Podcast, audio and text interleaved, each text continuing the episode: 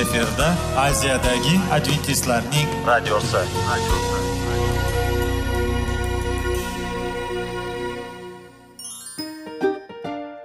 assalomu alaykum aziz radio tinglovchilar.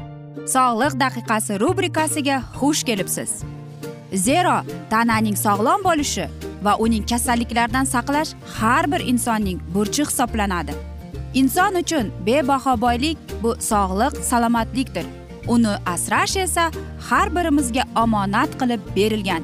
Shuning uchun ham inson o'z sog'lig'ini ehtiyot qilishi va ajib amallardan hisoblanadi.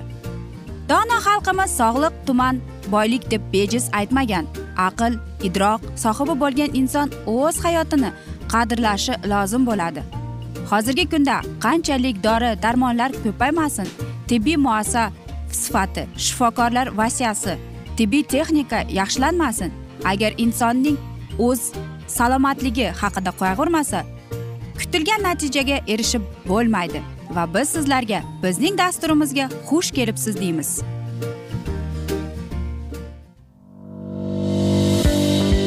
Sog'liq daqiqasi soliqning kaliti qiziqarli ma'lumotlar faktlar.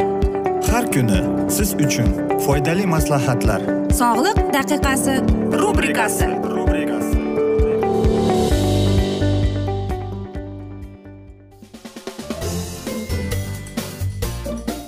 assalomu alaykum aziz radio tinglovchilar. Dasturimizga xush kelibsiz va biz sizlar bilan sog'lom ovqat degan dasturda xushvaqt bo'ling deb aytamiz va bugungi bizning dasturimizning mavzusi bu papaya.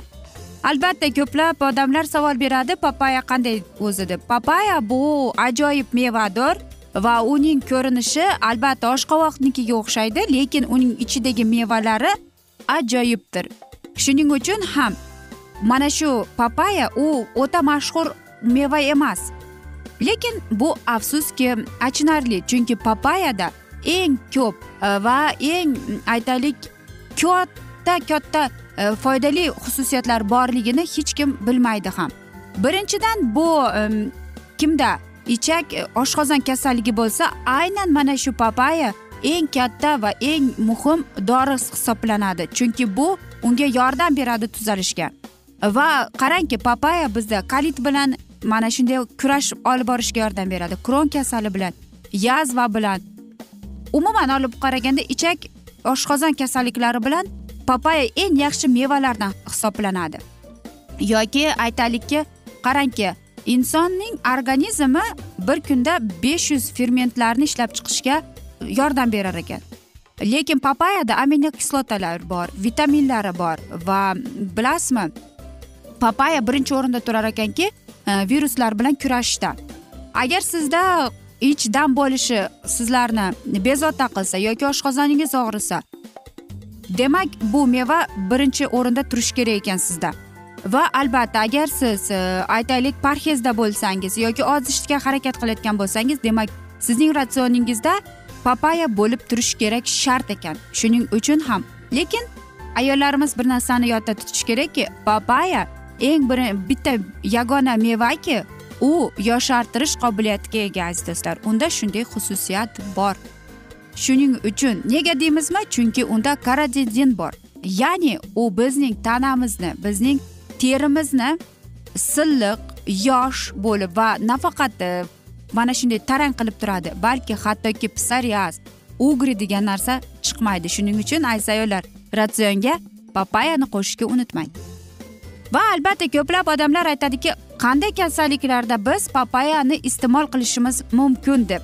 Agar sizda ich qotish bo'lsa yoki sizda kolit yoki gastrit yoki yazva bo'lsa yoki sizda aytaylik e, jigar kasalligi bo'lsa yoki sizda infeksiya kasalliklari bo'lsa ekzema psoriaz ugri bo'lsa e, va albatta siz charchoqni his etsangiz oshqozon barcha kasalliklari agar sizda depressiya migren bo'lsa yoki aytaylik sizda diabet bo'lsa yoki sizda periatrit bo'lsa va hokazo aziz do'stlar buni aytish davom ettiraveramiz mana shunday kasalliklarda papaya ratsionda bo'lishi kerak agar siz quyidagi alomatlarni bilsangiz demak albatta papayani o'zingizning ratsioningizga kirgizishingiz kerak xo'sh sizning oshqozoningizda og'riqlarni sezyapsiz va siz ovqat hazm qilganda u tezda hazm bo'lmayapti.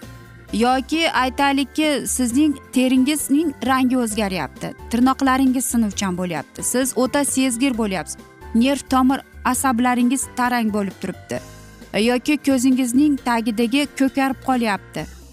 Va albatta e, sizda siz o'zingizni o'tayam nozik his etgan bo'lsangiz. Yoki ko'zingiz qurishib qolyapti. Va hokazolar eng asosiysi aziz do'stlar agar sizda siz xotira pasayishini sezayotgan bo'lsangiz demak papaya sizning ratsioningizga kirishi kerak.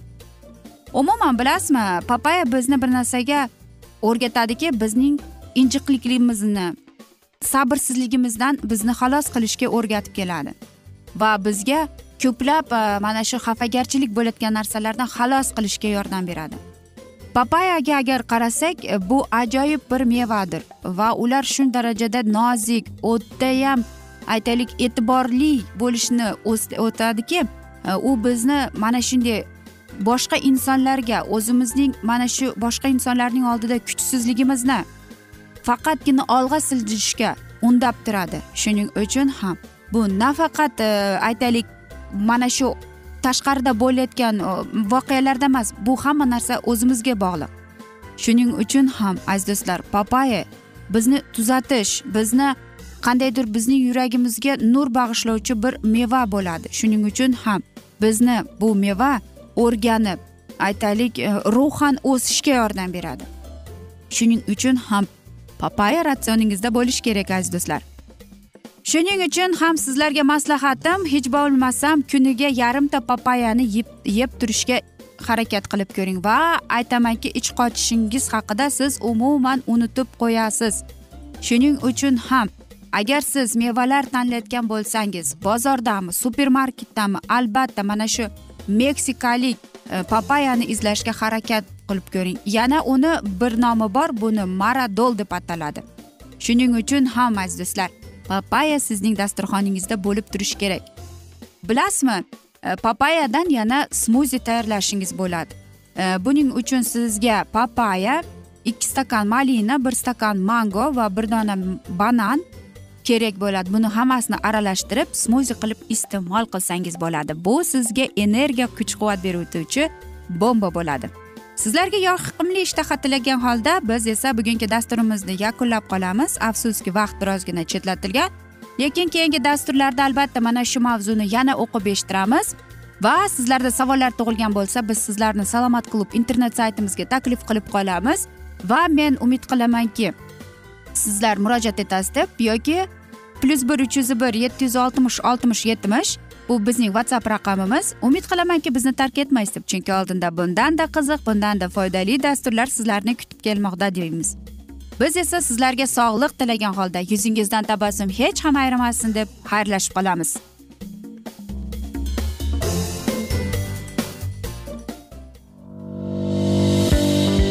Sog'liq daqiqasi. Soliqning kaliti. Qiziqarli ma'lumotlar. Faktlar. Har kuni siz uchun foydali maslahatlar. Sog'liq daqiqasi rubrikasi.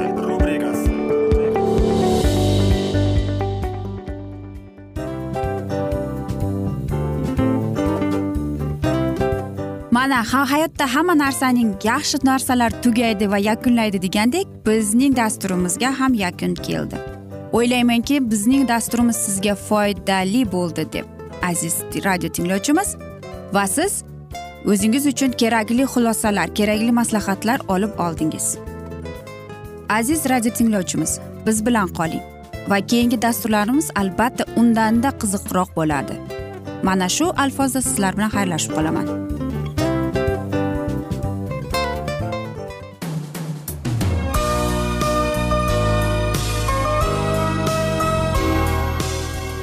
Efirda aziyadagi adventistlarning radiosi.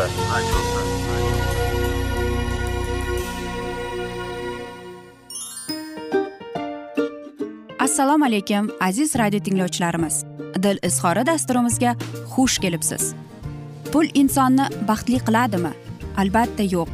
Sog'liqchi albatta bo'lishi mumkindir. Lekin olimlar shuni isbotlashdiki to'liq va mukammal munosabatlar insonlarni baxtli qilar ekan. Albatta biz hayot davomida biz yaqin insonlar bilan odamlar bilan aloqada bo'lamiz va ular bilan munosabatlarimiz qanday kechadi qanday tuziladi? Yigit va qiz er va xotin ota ona va farzandlar va yaqin insonlar bilan.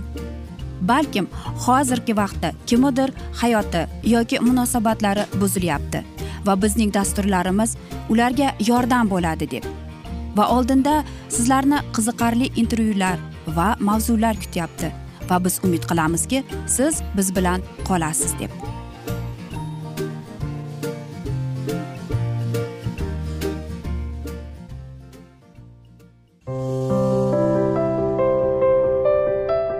Har kuni har xil kasbdagi odamlar bilan sirlashish va bo'lishish sevgi rashq munosabat. Bularni hammasi dil izhori rubrikasida.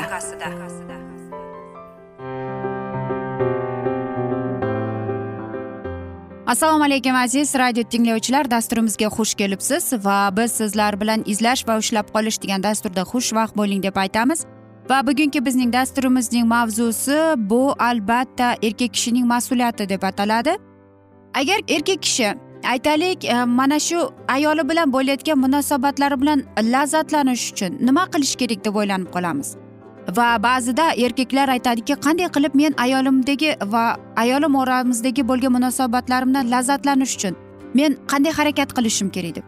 Va bilasizmi e, mana shu asnoda ayol kishi erkak kishining e, mana shu umidlarini qandaydir oqlashga harakat qiladi. Lekin erkak kishichi qarangki erkak kishi ishdan kelib u o'ylamaslik kerak. Kechqurun ishdan kelaman yuvinaman albatta kelib dasturxonga o'tiraman va shu bilan ishim tugadi degani emas aziz do'stlar aziz erkaklar. Ayolingiz bilan bo'lgan munosabatingiz ham bu ishdir. Shuning uchun ham qandaydir bir ma'noda siz ayolingiz bilan ishlashingiz kerak. Shunday desa ham bo'ladi.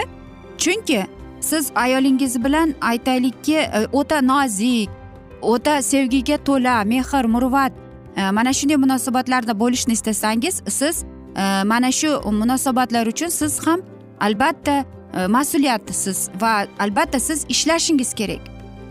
Ya'ni aytaylikki siz muloyim shirin so'z e'tiborli bo'lishingiz kerak. Masalan mayda kichkina so'z bilan bo'lsa ham ayolingizning ko'nglini ko'tarishga harakat qilishingiz kerak. Masalan aytaylik sizga chiroyli qilib ovqat damladi. Keltirdi. Dasturxon tuzdi. Sizni kutib oldi. Rahmat azizam qanday chiroyli ovqat qanday ishtahali ovqat deb uni iste'mol qilsangiz ayolingizning ko'ngli qanchalik? Ertasi kuni kelsangiz undanda mazali ovqat sizga pishiradi. Yoki azizam bugun naqadar go'zalsan boshqacha bir qandaydir go'zalsan deb aytsangiz ertasiga kelsangiz undanda go'zal bo'ladi. Azizam menimcha sening mana ko'ylaging birozgina eskirib qolgan. Kel men senga pul tashlab ketaman borib o'zingga chiroyli gul e, mana shu ko'ylaklardan xarid qilgin desangiz ayolingiz qanchalik gullab yashnab ketadi. Xuddi atirguldek ochilib ketadi. Va mana shu munosabatlarni saqlash uchun faqatgina siz to'ydan oldin uchrashib yurgan mahallarda romantik emas mana shu romantikani siz nikohga olib kelishingiz kerak. Bir eslab ko'ring bir yodingizga soling qanchalik siz Э, mana shu to'ydan oldin mana shu ayolingizning aytaylikki unga g'amxo'rlik qilib unga qanday hadyalar qanday she'rlar aytgansiz. Mana shu so'zlarni mana shu she'rlarni nikohda bo'lsangiz ham mana shu romantikani olib kirishingiz kerak. Dam olish kunlari birga sayrga chiqing. Bolalaringiz bo'lsa bolangizni ota onangizniga tashlab kinoteatrga boring teatrga boring bog'larga parklarga sayrga chiqing. Va albatta ayol kishiga mana shunchalik qanchalik g'amxo'rlik qanchalik e'tibor u nima deyayotganini tinglab gaplashib u bilan suhbat qursangiz aziz erkaklar siz ayollar uchun eng yaqin va eng aziz inson bo'lasiz va qanchalik ayolingizni ochilganini ham bilmay qolasiz. Va bilasizmi erkak kishining eng asosiy vazifasi bu faqatgina men emas faqat e, men men bas faqatgina biz bo'lishimiz kerak. Va e, siz o'ta aytaylikki menni yo'qotib bizni qo'yasiz. Mana shu oila nikohdagi taxtga. Ya'ni siz mana shu ayol uchun mas'uliyatlisiz. Siz qanchalik unga g'amxo'r e'tibor qanchalik unga o'zingizning sevgingizni ko'rsatsangiz ayol kishi sizga o'n barobar qilib sizga javobini qaytaradi aziz do'stlar. Shuning uchun ham ayolingiz nima desa nima qanday so'zlar qanday muammosi bor tinglashga harakat qiling. Maslahat bering va aziz erkaklar ayolingiz qanchalik siz bilan ochilib sochilib ketadi. Bilasizmi? Bir e, so'z bor. Ayol kishi bu erkak kishining kuzgisi deb ya'ni ayolingiz ochilib sochilib qanchalik o'ziga e'tibor berib bolalaringizga oilangizga qanday munosabatda bo'ladi? Bu sizning aksingiz bu sizdagi kuzgungizdagi aksingiz bo'ladi. Demak boshqalar unga qarab aytadiki qanday baxtli eri unga e'tiborli eri uni sevadi hurmat qiladi shuning uchun gullab yashnab yuribdi deydi. Shuning uchun ham aziz erkaklarimiz ayollarimiz bu bir aytaylikki noyob gul. Mana shu noyob gulga siz qanday munosabatda bo'lasiz? Qanday unga qaraysiz? Bu ayolingiz bu sizning bog'ingiz. Siz mehrli sevgiga to'la bog'bon bo'lishingiz kerak unga e'tiborli bo'lishingiz kerak.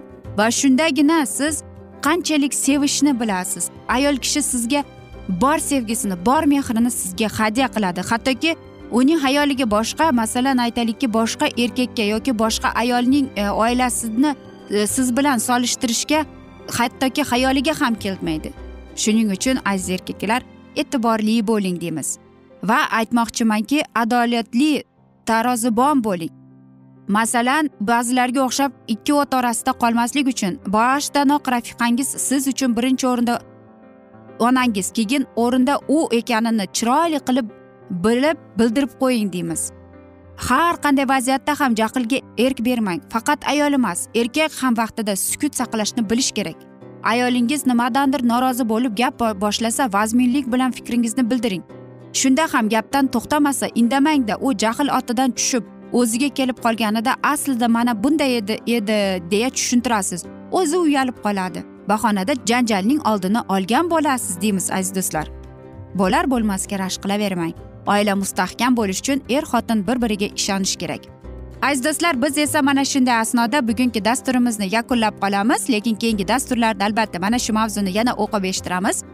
Va sizlarda savollar bo'lsa biz sizlarni plyus bir uch yuz bir yetti yuz oltmish oltmish yetmish raqamiga murojaat etsangiz bo'ladi. Men umid qilaman bizni tark etmaysiz deb chunki oldinda bundanda qiziq bundanda foydali dasturlar kutib kelmoqda sizlarni deymiz. Biz esa sizlarga va oilangizga tinchlik totuvlik tilab va albatta aziz do'stlar seving seviling deb xayrlashib qolamiz.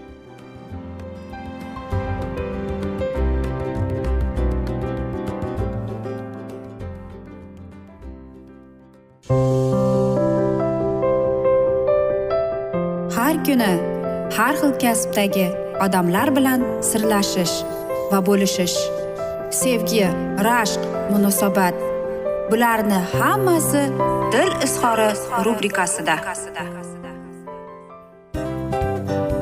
Mana aziz radio tinglovchimiz bizning go'zal va foydali va chiroyli dasturimiz yakunlanib bormoqda. Sizlarga birozgina maslahat berib o'tmoqchi edik. Bir biringizni seving qadringizga yeting va erkalang albatta bir biringizni va sizga judayam chiroyli va mustahkam munosabatlar tilab qolamiz albatta. Sevgilingiz doimo yoningizda bo'lsin. Mana shu borada sizlar bilan xayrlashib qolamiz. Xayr.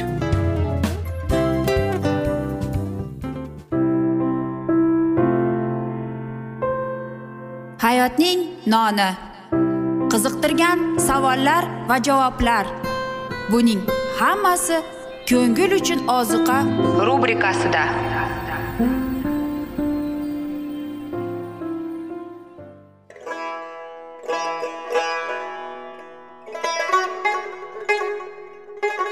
Assalomu alaykum aziz radio tinglovchilarimiz. Ko'ngil uchun oziqa rubrikasida xush kelibsiz deymiz. Siz haqiqatni izlayapsizmi? Olamnimi umidnimi siz kimga murojaat qilmoqchisiz? Odamlar ko'pincha siyosat kuchiga tayanadilar. Dunyo iqtisodiyoti holati tobora chuqurlashib bormoqda. Tabiiy ofatlar va texnogen halokatlar minglab insonlarning hayotini olib ketib juda katta zarar yetkazmoqda. Sizga abadiy hayot inomini hadya qiluvchi va hayotingizni tubdan o'zgartiruvchi haqiqatni izlab toping.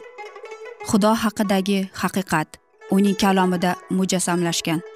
Kimki bu haqiqatni butun qalbi bilan izlasa albatta unga yetishadi. Bu sevgi xudoning tarixidir. Hayotingizda yoki sizning yon atrofingizdagi olamda nimalar yuz berishidan qat'iy nazar siz ertagi kunga buyuk umid va ishonch hosil qilishingiz mumkin. Hozirda xudo sizga taklif qilayotgan umid ishonchga o'z qalbingizni oching va sizni qiziqtirayotgan mavzularni savollaringizga javoblaringizni topib olasiz deb umid qilamiz. Biz bilan qoling.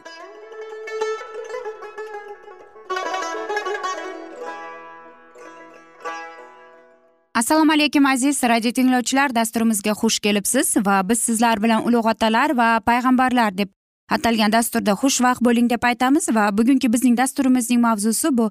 Shaytonning qonunga qarshi adovati deb ataladi. Osmon istiqomatchilar ichra ilohiy qonunni ag'darib tashlash uchun shaytonning urinishi qaysi bir vaqtga muvaffaqiyat qozonganda tuyulardi. Ko'pgina farishtalar zavqlanib aldandilar lekin birinchi ko'rinishda bo'lgan shaytonning tantanasi mag'lubiyat bilan yutuqsiz yakunlandi.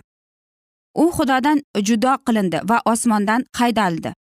Konflikt yer yuzida yangidan boshlanganida shayton yana g'alaba qozonganday bo'ldi. Gunoh qilib odam unga asir tushdi va yer yuzidagi inson egaligi buyuk isyonchining egaligiga aylandi. Shunda shaytonga o'z mustaqil podshohligini ko'rib qurib e, xudoga va uning o'g'liga urush e'lon qilishga imkoniyat ochilganday tuyuldi. Lekin najot qilish reja insonga xudo bilan aloqani tiklashga uning qonunini amalga oshirib insongami? Ayni ravishda yerga ham pirovardida hiylagarlarning hokimiyatidan forig' qilinishi uchun imkoniyat berdi. Shayton yana mag'lub bo'ldi va yana yolg'onni ishlatdi va u o'z mag'lubiyatini g'alabaga aylantirmoqchi bo'ldi.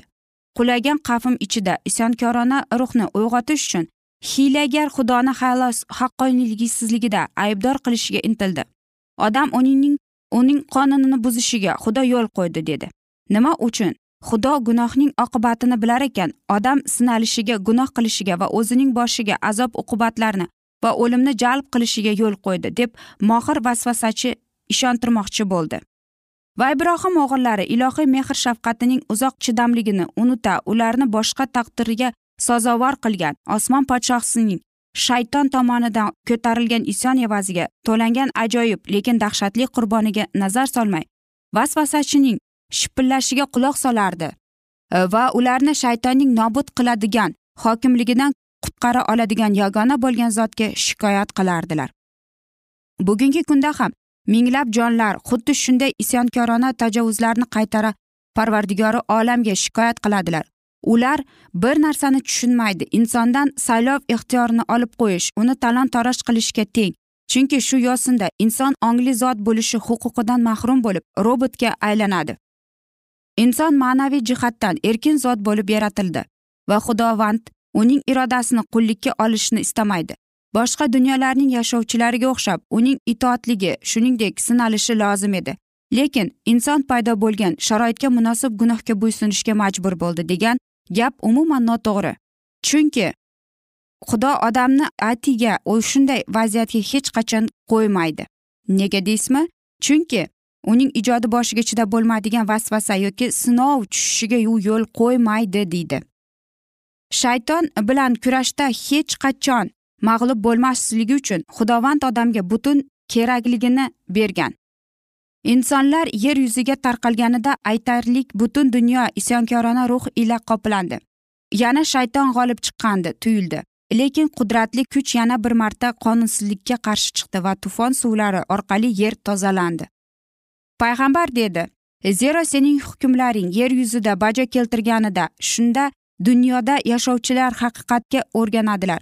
Agar betafiqqa mehribonlik ko'rsatilsa u haqiqatga o'rganmaydi va xudovandning yuksalligiga nazar solmaydi. To'fondan keyin shunday bo'ldi. Ilohiy hukmlardan qutulib yerning istiqomatchilari yana xudovandga qarshi isyon ko'tardilar. Ikki marta ilohiy ahd va uning ko'rsatmalari dunyo tomonidan tark etildi. Qadimgi dunyo ilohiy hokimiyatni tark etganday nuhning nasl nasabi ham xuddi shunday harakat qildilar. Shunda parvardigori olam ibrohim bilan ahd qurdi va uning qonunini saqlab amalga oshirish uchun ummat tanladi shayton tanlagan xalqqa qarshi shu zahoti o'z xatti harakatini boshladi. Uni vasvasaga solib nobud qilmoqchi bo'ldi. Yoqub payg'ambarning farzandlari majusiylar bilan qo'shilib ularning xudolariga topinsinlar deb shayton ularni vasvasa qildi. Ammo yusuf xudoga sodiq qolaverdi va uning ixlomasligi haqiqiy iymonining sabotli shohidi bo'ldi. Shu yorug'likni o'chirish uchun shayton yusufning hasadgo'y birodarlari bilan foydalanadi. Yusufni majusiylar mamlakatiga sotib yuborishga ularda xohish uyg'otdi. Lekin misr xalqi haqiqiy xudoni tanib bilishi uchun imkoniyat ochildi va xudo shunga muvofiq hodisalarni yo'llantirildi. Potifar xonadonida ham zindonda ham bo'lganida ham yusuf shunday tajriba orttirdi. Bu tajriba xudodan qo'rquv bilan birgalikda uni misr hokimi lavozimiga tayyorladi. Fir'avn dargohidan uning ta'siri bilan butun mamlakatga yoyildi va binobarin tangri taolo to'g'risidagi bilim har tomonga tarqaldi. Majusiy hokinlar xalq intilgan yangi dinning rivojlanishini xavotirlanib kuzatardilar. Shayton esa ularni xudoga qarshi qo'zg'atib vujudlariga xudoga nisbatan nafrat soldi deydi. Va ular bo'lgan nurni o'chirishga sabab bo'ldi deydi. Xo'sh taxtning kelgusi merosxo'rning tarbiyalanishi ularning qo'liga topshirildi. Xudoga qarshi.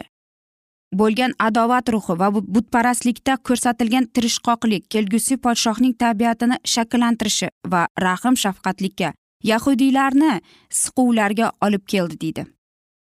Aziz do'stlar mana shunday asnoda biz bugungi dasturimizni hikoyamizni e, yakunlab qolamiz. Afsuski vaqt birozgina chetlatilgan. Lekin keyingi dasturlarda albatta mana shu mavzuni yana o'qib eshittiramiz va o'ylaymanki sizlarda savollar tug'ilgan. Agar shunday bo'lsa biz sizlarni e, whatsapp raqamimizni berib o'tamiz. Plyus bir uch yuz bir yetti yuz oltmish oltmish yetmish aziz do'stlar. Savollaringizni berib o'tsangiz bo'ladi biz albatta javob beramiz deymiz. Aziz do'stlar men umid qilaman bizni tark etmaysiz deb chunki oldinda bundanda qiziq va foydali dasturlar kutib kelmoqda.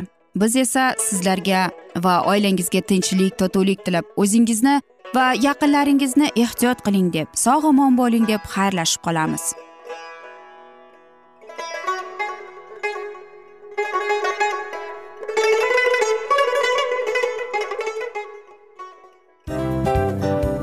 Mana aziz radio tinglovchimiz hamma yaxshi narsaning yakuni bo'ladi degandek bizning ham dasturlarimiz yakunlanib qolmoqda.